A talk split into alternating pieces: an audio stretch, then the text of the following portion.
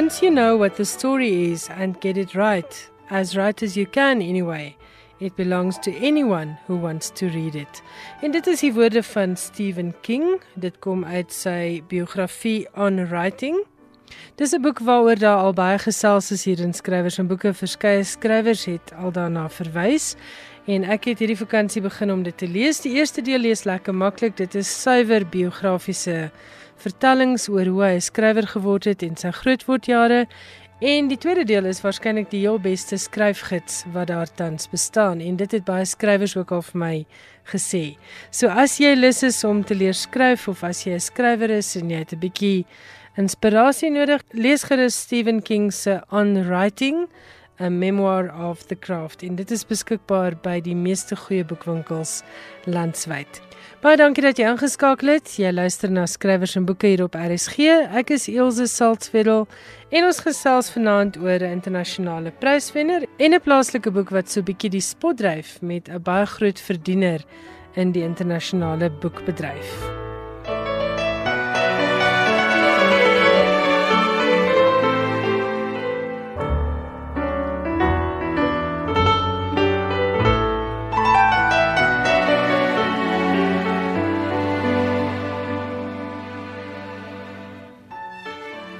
Eensaamheid is vir baie mense 'n daaglikse realiteit en nou het Brittanje besluit om iets daaraan te doen nadat 'n spesiale kommissie die Joe Cox Commission on Loneliness bevind het dat 9 miljoen mense in Brittanje en dit is omtrent 14% van die totale bevolking dikwels of altyd alleen voel. Die gevolge daarvan, dinge soos depressie en slegte eetgewoontes en gebrek aan oefening, kos Britse werkgewers tot 3.5 miljard pond jaarliks. Dit het daartoe gelei dat die Britse premier Theresa May in Januarie verlede jaar 'n ministerie vir eensaamheid aangekondig het en die minister wie se onbenydenswaardige taak dit is om hierdie delikate saak te takel is Tracy Crouch. En as jy wonder wat het dit nou met skrywers en boeke te doen? Dit het alles te doen met die boek waaroor ek vanaand wil gesels, naamlik Eleanor Oliphant is completely fine en dit was die Costa Boekpryswenner van 2017. Maar terug na die onderwerp, Brittanje is ook nie die enigste land waar owerhede besef eensaamheid plaas groot druk op openbare gesondheidstelsels nie en so berig Time magazine. In Japan het die verskynsel van sterftes onder eensame bejaardes selfs al 'n naam. Dit word kodokushi genoem. 'n 2010 studie het bevind dat meer as 'n derde van Amerikaners ouer as 45 eensaam voel. En natuurlik word dan nou nie hiermee bedoel sommer net doodgewoon soms 'n bietjie alleen nie, maar feitelik altyd eensaam en afgesny van die wêreld. Dit het daartoe gelei dat die Amerikaanse gesondheidsowerhede eensaamheid as 'n groeiende epidemie beskryf en hulle sê dit het soortgelyke gesondheidsgevolge as 15 sigarette per dag. En dis ook nie net bejaardes wat eensaam is nie. Die Britse Cox Kommissie het bevind dat armes, werklooses, gestremdes en immigrante of selfs net mense wat ver van familie in ander dorpe en stede woon en werk, hiermee sukkel. Nog 'n Britse studie het bevind dat 16 tot 24 jariges selfs eensamer is as pensionaarsse tussen 65 en 74. En in die geval van jong mense word die eensaamheid vererger deur tegnologie. Ironies genoeg kan tegnologie weer ouer mense se eensaamheid help verlig. Nog redes vir eensaamheid is die verval van die tradisionele gesinseenheid en werkstruk of sommer net doodgewoon jou werksomgewing. En dan kom ons nou by die boek wat my laat gesels oor al hierdie dinge. Dit is die 2017 Costa Pryswenner Eleanor Oliphant is completely fine deur Gail Honeyman. Ek het dit hierdie vakansie gelees en ek kan dit werklik aanbeveel. Dis 'n baie eenvoudige storie op die oog af, totdat 'n mens dit begin lees en ontdek hoeveel lae is daar ingeweef in hierdie verhaal. Dit is snaaks, maar dis dapper en dit is 'n klein bietjie ontstellend. Eleanor Oliphant lei 'n baie eenvoudige en baie voorspelbare lewe. Sy dra min of meer dieselfde klere daagliks werk toe. Sy eet elke dag dieselfde soort middagete. Haar aandete is elke aand dieselfde en elke naweek koop sy 2 bottels vodka wat die eensaamheid elke naweek moet verdryf. Maar sy is gelukkig. Daar's niks wat sy in haar lewe kort nie. En op 'n dag besef sy sy kort eintlik alles in haar lewe. Hierdie was 'n debuutwerk deur Gail Honeyman. Dit het lesers wêreldwyd oorrompel. Dis 'n baie oorspronklike boek wat 'n mens groot insig gee in hierdie verskynsel wat skynbaar vererger wêreldwyd, naamlik eensaamheid. Net so 'n bietjie agtergrond oor die boek. Gail Honeyman het in 'n onderhoud vertel dat die inspirasie vir die karakter van Eleanor en ook die inspirasie vir die boek 'n koerantartikel was wat sy 'n paar jaar gelede gelees het en daarin is daar gesels met 'n jong professionele vrou ergens in 'n groot wêreldstad wat vertel het hoe sy Vrydag middag by die werk weggaan en dan vir die heel eerste keer weer maandagooggend met 'n ander mens praat en sy het gesels oor haar eensaamheid in hierdie groot stad wat wemel van bedrywigheid. En Honeyman het gesê dit het haar opgeval hoe dikwels ons net aan eensaamheid dink as 'n verskynsel wat net bejaardes of ouer mense raak sonder om te dink dat eensaamheid enige mens op enige ouderdom kan tref. En die storie en die karakter van Eleanor Oliphant het daarvandaan stelselmatig ontstaan. Nog iets merkwaardig oor die boek se skrywer, Gail Honeyman het gedebuteer met hierdie boek op die ouderdom van 40. So as jy nog altyd gedroom het van skryf, moenie dink is onmoontlik nie. Sy het met hierdie boek nie net gedebuteer nie, maar wêreldwyd lesers en beoordelaars van groot pryse se harte aangeraak. Maar moenie dink is net 'n droewige verhaal nie. Eleanor Oliphant is completely fine. Handel ook oor die goedheid van mense, oor vriendskap, oor vriende op onwaarskynlike plekke en ook oor die feit dat 'n mens nie 'n eiland is nie. Dat jy deur ander mense bestaan en soms nodig het om vir ander mense te bestaan. Hier is die eerste bladsy van Eleanor Oliphant is completely fine. When people ask me what I do, taxi drivers or dental hygienists, I tell them I work in an office. In almost nine years, no one's ever asked what kind of office or what sort of job I do there. I can't decide whether that's because I fit perfectly with their idea of what an office worker looks like or whether people hear the phrase work in an office and automatically fills in the blank themselves. Lady doing photocopying, man tapping at a keyboard. I'm not complaining. I'm delighted that I don't have to get into the fascinating intricacies of accounts receivable with them. When I first started working here, whenever anyone asked, I used to tell them that I worked for a graphic design company, but then they assumed I was a creative type. It became a bit boring to see their faces blank over when I explained that it was back office stuff that I didn't get to use the fine tipped pens and the fancy software. I'm nearly 30 years old now, and I've been working here since I was 21. Bob, the owner, took me on not long after the office opened. I suppose he felt sorry for me.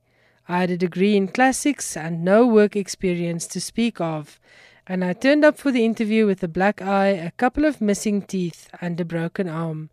Maybe he sensed back then that I would never aspire to anything more than a poorly paid office job, that I would be content to stay with the company and save him the bother of ever having to recruit a replacement.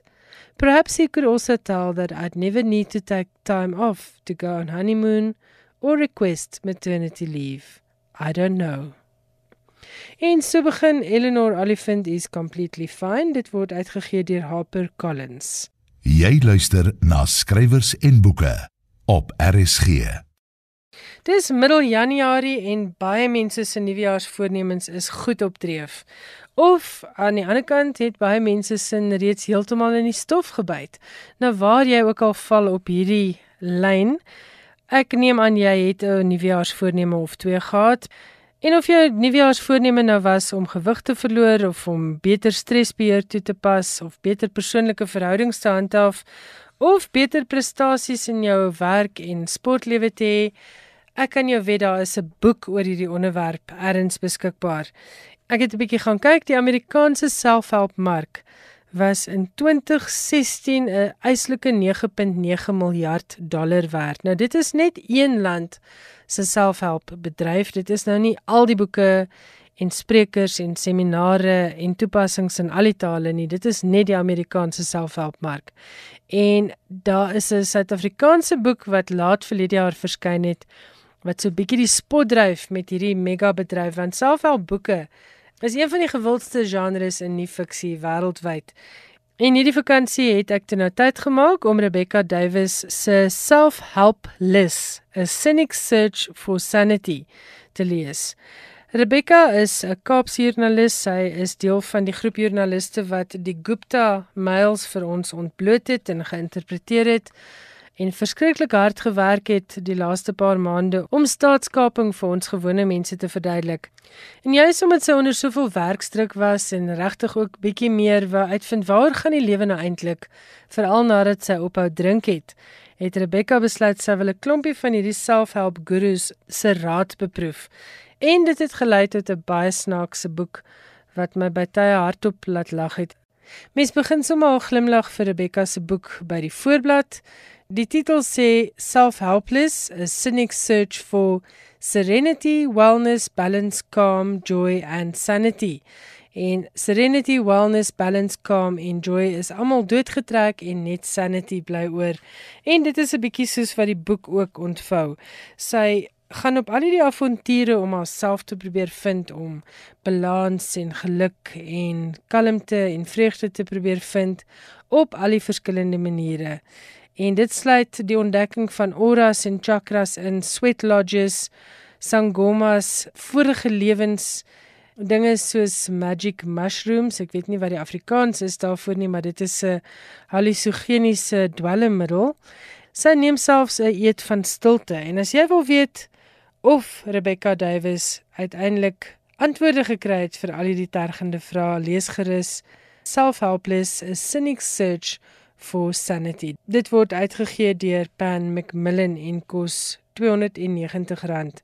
Rebecca is ook die skrywer van Best White and Other Anxious Delusions, 'n bundel humoristiese essays wat in 2015 verskyn het.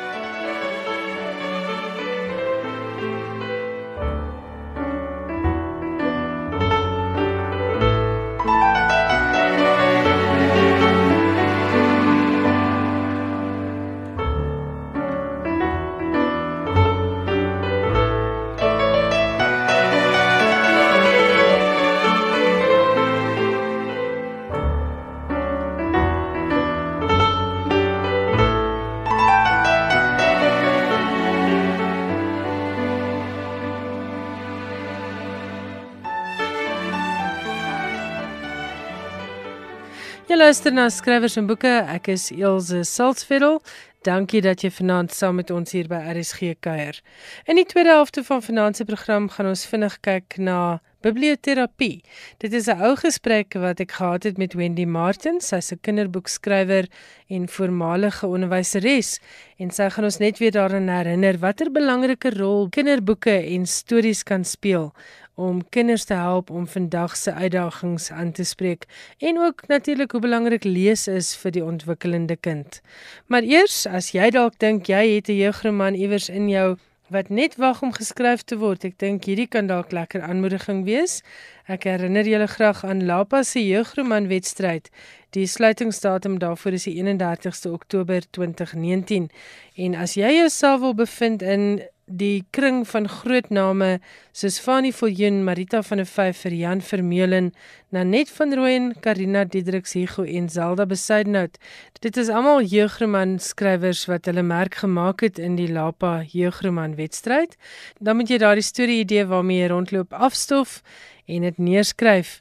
Lapa is op soek na verhale gemik op lesers tussen 12 en 18 jaar oud en jou verhaal moet tussen 30000 en 70000 woorde wees. Die kompetisie se prysgeld beloop R50000 in totaal. Die eerste prys is 25000, die tweede 15000 en die derde prys is R10000. En selfskrywers wat nie in die top 3 eindig nie, staan steeds 'n kans om hulle boeke by Lapa gepubliseer te kry. Dit dan wat Lapa se jeugroman wedstryd betref, gaan loer gerus op hulle webwerf by www.lapa.co.za. Gereelde skrywers en boeke luisteraars sal weet dat kinderboeke en kinders wat lees my baie na in die hart lê. Ek wens ons kan weer 'n lesende nasie word want dit sal so baie van ons land se uitdagings en probleme verminder. Maar ons kan elkeen in ons eie gesin en invloedsfeer 'n verskil maak en kinders aan die lees kry. En ek het 'n paar jaar gelede met Wendy Martins gesels wat gesels het oor hoe nodig kinders dikwels boeke het om uiting te gee aan die probleme en die frustrasies wat hulle elke dag trotseer of groter probleme waarvan ons as volwassenes dalk nie eers bewus is nie. Hier is Wendy Martins. Elke leser weet 'n boek is 'n wonderlike ontsnapping van werklikhede, maar vir kinders en mense met probleme is daar regtig bewese terapeutiese waarde. So vertel vir my 'n bietjie uit jou eie ervaring met boeke. Wat beteken dit vir kinders met probleme? Ilse, ek wil wegval met een van my gunsteling aanhalinge van uh, Sherman Alexie en hy het gesê te veel volwassenes dink kinders se lewens is eenvoudig terwyl kinders se emosies net so ingewikkeld soos ons is. Hulle het miskien minder gereedskap om dit te hanteer omdat hulle jonk is, maar die emosies is almal dieselfde. Ons dink omdat hulle kleiner is, ervaar hulle nie dinge so intens as ons nie en dit is glad nie waar nie. Eintlik is die teenoorgestelde waar. Hulle het nie die woordeskat om hulle emosies uit te druk nie en hulle het nog nie die vaardighede om hulle emosies te probeer verstaan nie maar die emosies is net so intens en hulle het ons groot mense nodig om hulle te help verstaan wat in hulle wêreld gebeur. En hier praat jy nou uit ondervinding van jou jare by twee skole in woongebiede buite Stellenbosch. Ja, ek het die laaste 14 jaar op skool gehou, dit ek vir die kinders van Pieterswil en Kayamandi onder andere skool gehou. En as dit nie vir hulle was nie, sou ek nooit kinderboeke geskryf het nie want hulle het my by die universiteit van die lewe gesit en baie dae het hulle eintlik vir my geleer en nie ek vir hulle nie en die kinderboeke wat ek geskryf het spesifiek vir biblioterapie het gevloei uit gebeurtenisse in die klaskamer en ook uit ervarings wat ek in my eie lewe gehad het. En ek het eintlik daardeur genesing gevind deur die ervarings van my kinders in die klas en op die einde genesing deurdat ek my stories kon skryf. Want as kind was ek 'n slagoffer van molestering. Uh, my ouers is ook uitmekaar terwyl ek in die laerskool was en ek kon hierdie stories eers regtig verwoord. Toe ek dieselfde dinge deur my kinders in die klas kon ervaar, dieselfde pad met hulle kon loop en my storie kon skryf en hulle daardeur kon help. Nou, biblioterapie verwys na die helende krag van boeke. En dis regtig self vir die gemoed. Hoe het jy dit in die praktyk ervaar? Vertel 'n bietjie vir my van die kindertjies wat na jou toe gekom het en hoe boeke hulle gehelp het. Weet jy baie keer het jy 'n kind in jou klas en jy weet op die krop van jou maag daar's fout by die huis. Die kind of heeltemal in haar dop gekry het of sy dop gekry het of heeltemal uit die nate uit. Jy gesels met die ouers, kry hulle in vir 'n ouer onderhoud, ouer afspraak. Soms kom net een, um, jy kry hulle nooit albei daar nie, um, of hulle ontduik dit. Hulle wil glad nie daar wees nie. Alles word bespreek behalwe dit wat regtig waar die probleem is. Dan verwys jy die kind na die na die skoolsielkundige Die skoolsielkundige bevestig daar is groot emosionele probleme. Jy gaan terug na die ouer toe. Jy wil die kind so graag op die regte maniere help, maar jy kan nie omdat jy nie die ouers se samewerking het nie. Daar's geen fisieke letsels nie, maar omdat daar bevestiging van afsielkundige is dat daar wel probleme is. Is jy basies in 'n doodloopstraat omdat jy nie die ouers se goedkeuring of die ouers se samewerking het nie. Dan het jy basies net een uitweg. En dan is jou magtigste wapen om vir die kind onvoorwaardelike liefde te gee en om op haar te rus met kennis, met hulp van die regte boeke. En watter soort boeke het jy gebruik spesifiek dan nou vir hierdie kindertjies? Het jy spesifieke boeke geskryf of was daar reeds in daardie tyd vir jou 'n paar staatmakerboeke? Daar op daai tydstip was daar nie regtig nie, maar ek het gesoek vir boeke wat 'n paar begrippe vir die kind sal laat deurskemer. Daar so 4, 5 begrippe wat vir my belangrik was. Die kind moet besef dat hy of sy nie so alleen is soos wat hy voel nie. Dat dat, dat hy geen skuld het aan wat met hom gebeur nie, is daar nou 'n mishandeling by die huis plaasvind dat al is hy klein, het hy die mag en die reg om nee te sê vir wat ook al by die huis gebeur. Dat dit nie gaan ophou solank as wat hy stil bly nie en dat sommige groot mense vir hom gaan kwaad wees, maar dis nie omdat hy iets verkeerd gedoen het nie. En dan 'n baie belangrike ding, dat 'n mens nie altyd so aaklig gaan voel soos wat jy op daai tydstip gaan voel nie. En toe het ek op 'n stadium ge, uh, uh, besluit maar ek sal self 'n plan moet maak. En ek het vir Prinses Mosie geskryf wat spesifiek gaan oor 'n dogtertjie wie se pa die huis verlaat. Haar gevoel van verlies, sy en haar ma en haar sussie bly agter. En dan hoe sy dit verwerk en op die ou einde vrede maak met die feit dat sy nog steeds haar pa mag lief hê. Al is hy nie meer daar nie en al kom hy nie weer terug nie.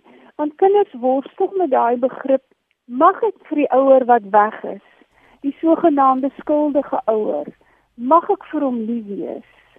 Ja ja dit is 'n baie groot worstelstryd vir 'n kind en daai daai spesifieke vraagstuk spreek ek aan in daardie boek En dan het ek geskryf in Drie Uraas vir Denver wat gaan oor molestering. Drie Uraas vir Denver is dit die drie titel. Drie Uraas vir Denver, ja. Ja.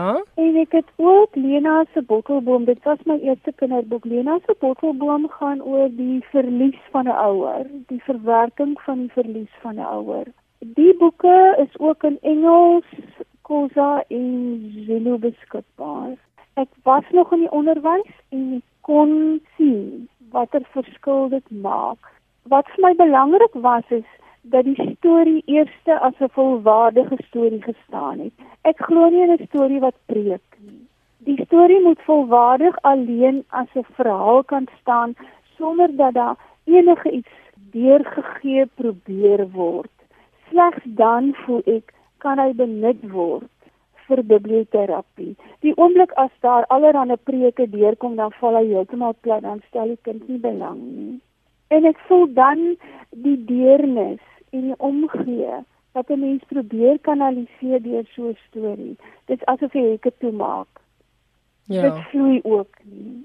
Ek het die uitwerking daarvan in my klas gesien op my kinders en ook op die ouers. Snaaks genoeg My ouers het ook gereageer op die boeke. En ek dink dit gee vir ouers ook 'n praatkans met hulle kinders. Dit maak 'n onderwerp oop of die, dit skep die geleentheid om oor 'n onderwerp te praat wat dalk nie vir die ouer maklik is om oor te praat nie. En weet jy, wat is vir my interessant, as ouers so 'n boekie met kinders lees en die storie is die fokuspunt, nie die onderwerp nie, dan gebeur dinge van self. Dan maak die kind oop en sal mettertyd self sê dit het met my gebeur of hierdie kind het dit gedoen of daai oom maak my bang daai dinge begin deurskemer as 'n gereelde storietyd ingestel word en 'n vertrouensverhouding mettertyd tussen die ouer en die kind opgebou word want ek glo mos onvoorwaardelik in 'n storietyd elke aand al is dit slegs 20 minute dit werk vrugte af dit bring nie daai wonderlike intimiteit tussen die ouer en die kind of die versorger en die kind. En dit hoef nie eers 'n biblioterapie boek te wees wat gelees word nie. Dit kan enige lekker storieboek wees. Ja, ek stem saam. van woorde wat goed gekies is, vreugdevolle woorde, woorde van omgee, net 20 minute.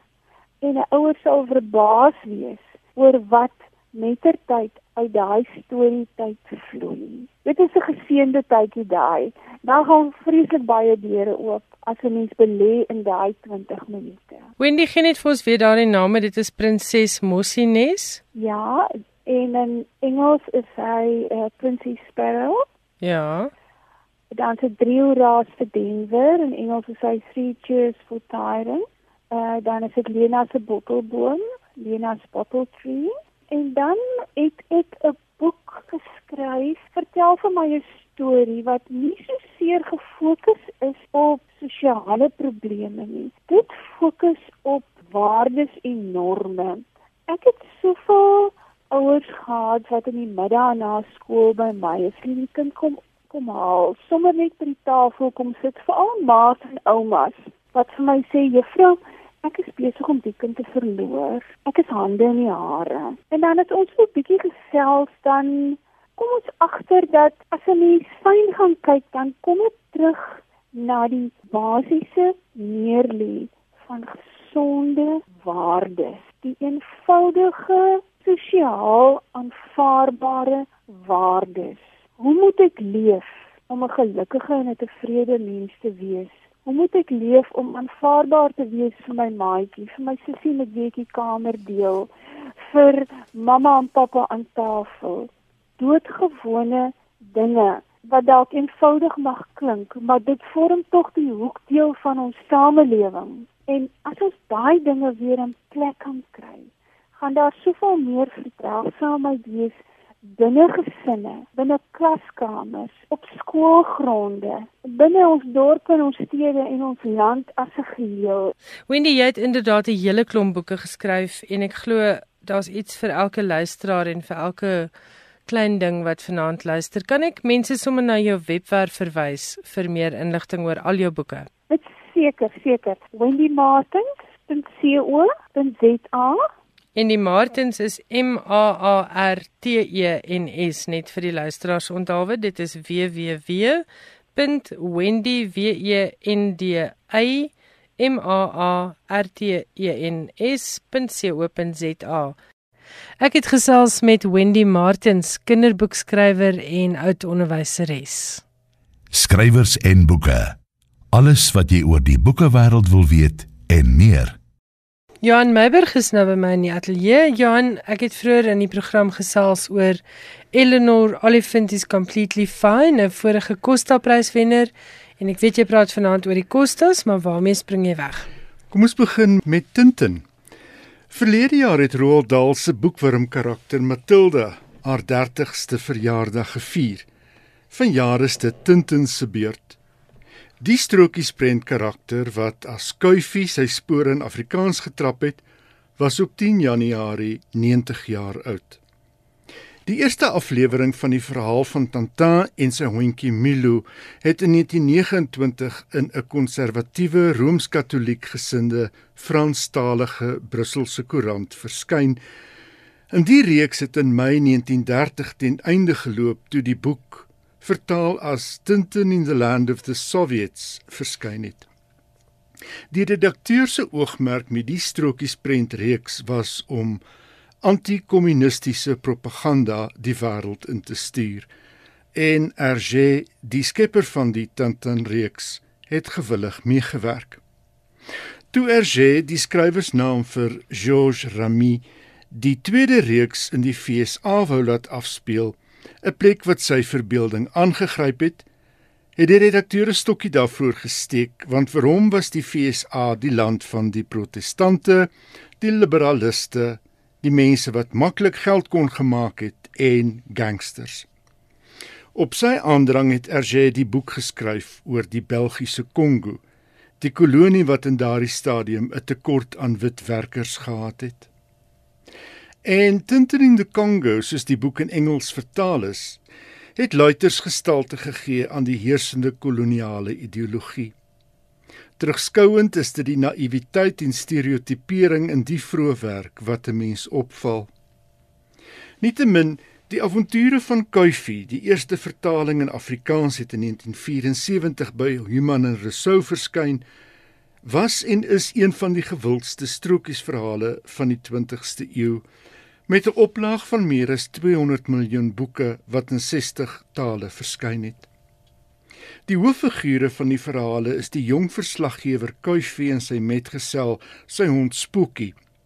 En dan ook kaptein Sardyn, professor Fosfatus en die onbeholpe speurders Uys en Buys.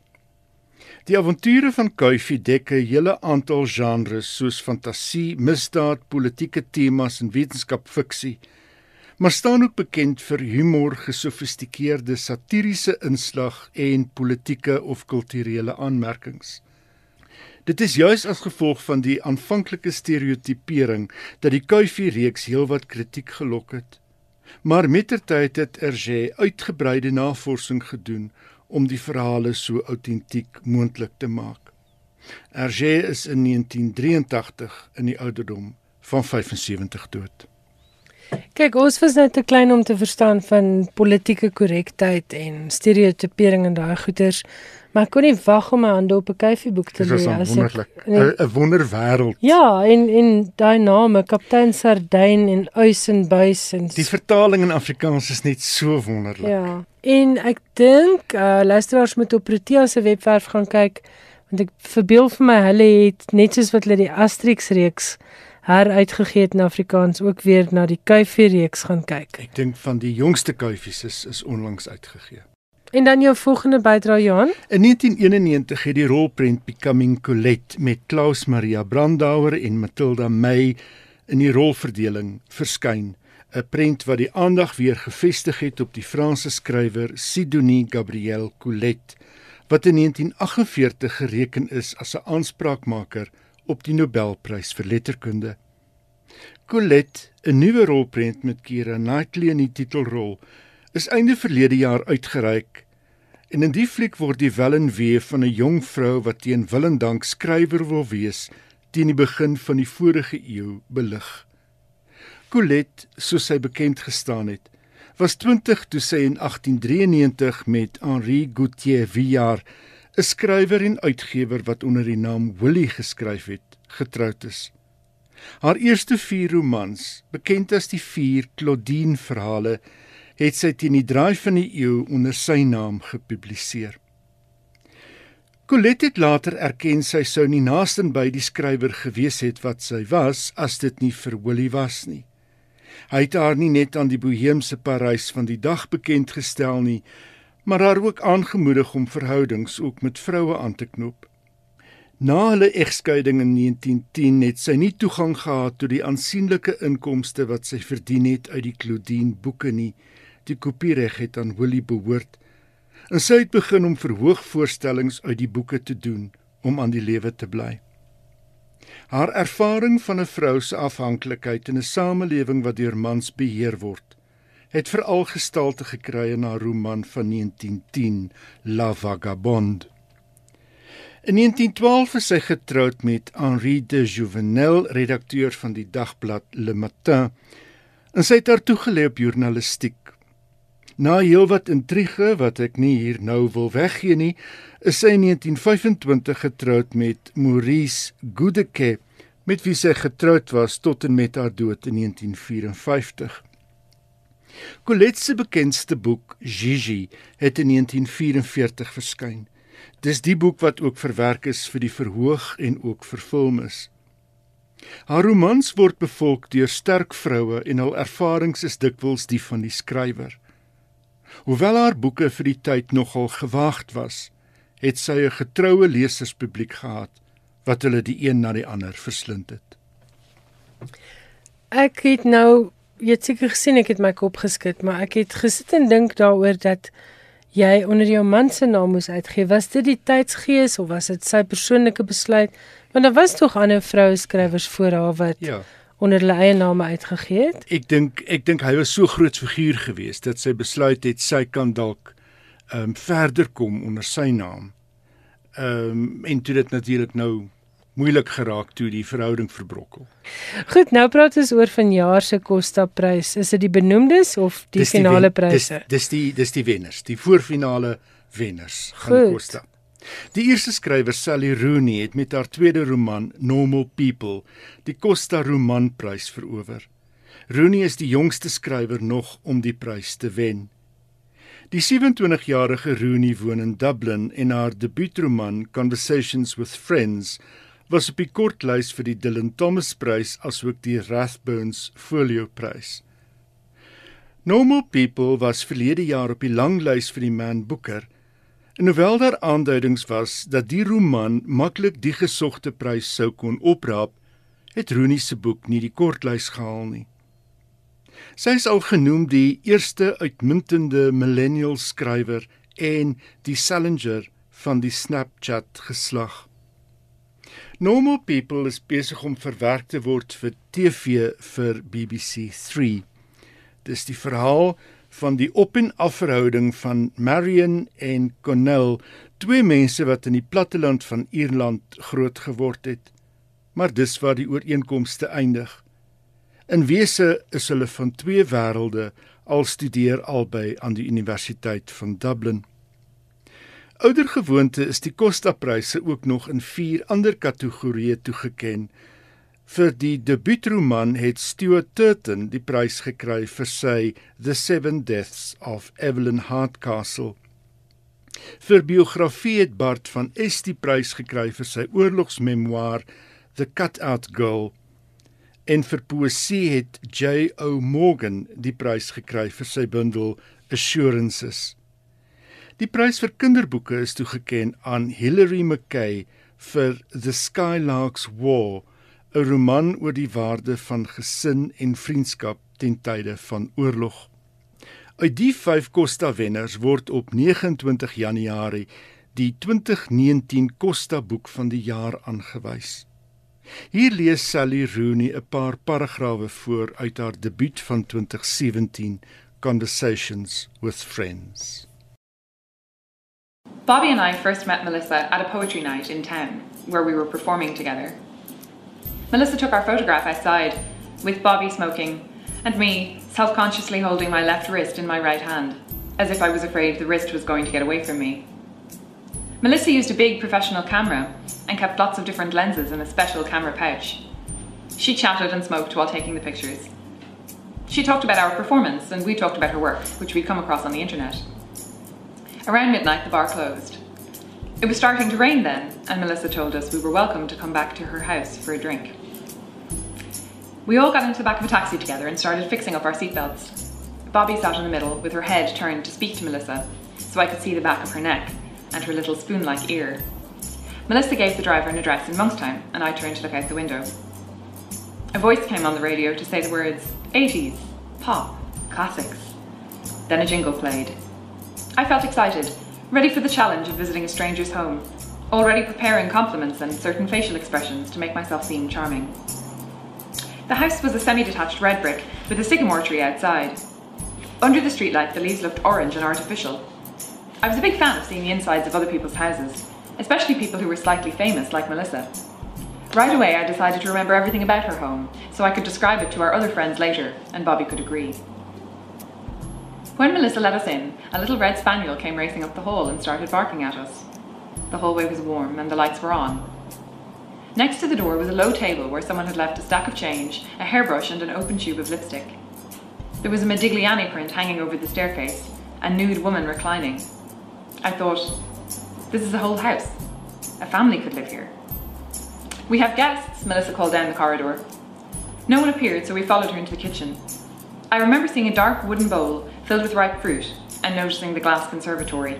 Rich people, I thought. I was always thinking about rich people then. The dog had followed us to the kitchen and was snuffing around at our feet, but Melissa didn't mention the dog, so neither did we. Wine, Melissa said, white or red.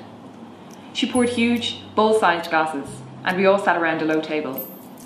Melissa asked us how we'd started out performing spoken word poetry together, we had both just finished our third year of university at the time, but we'd been performing together since we were in school. Exams were over by then. It was late May. Melissa had her camera on the table and occasionally lifted it to take a photograph, laughing self deprecatingly about being a work addict. She lit a cigarette and tipped the ash into a kitschy looking glass ashtray. The house didn't smell of smoke at all, and I wondered if she usually smoked in there or not. I made some new friends, she said. Her husband was in the kitchen doorway. He held up his hand to acknowledge us, and the dog started yelping and whining and running around in circles. This is Francis, said Melissa, and this is Bobby. They're poets. He took a bottle of beer out of the fridge and opened it on the countertop. Come and sit with us, Melissa said.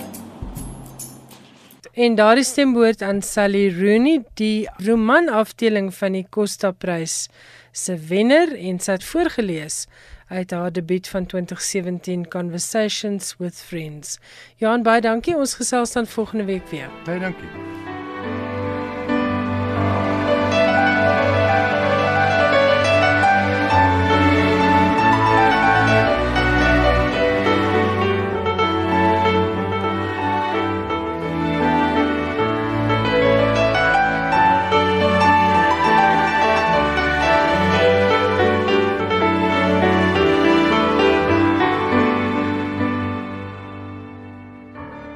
Dit was dan Finanse Skrywers en Boeke. Ek hoop jy het dit geniet.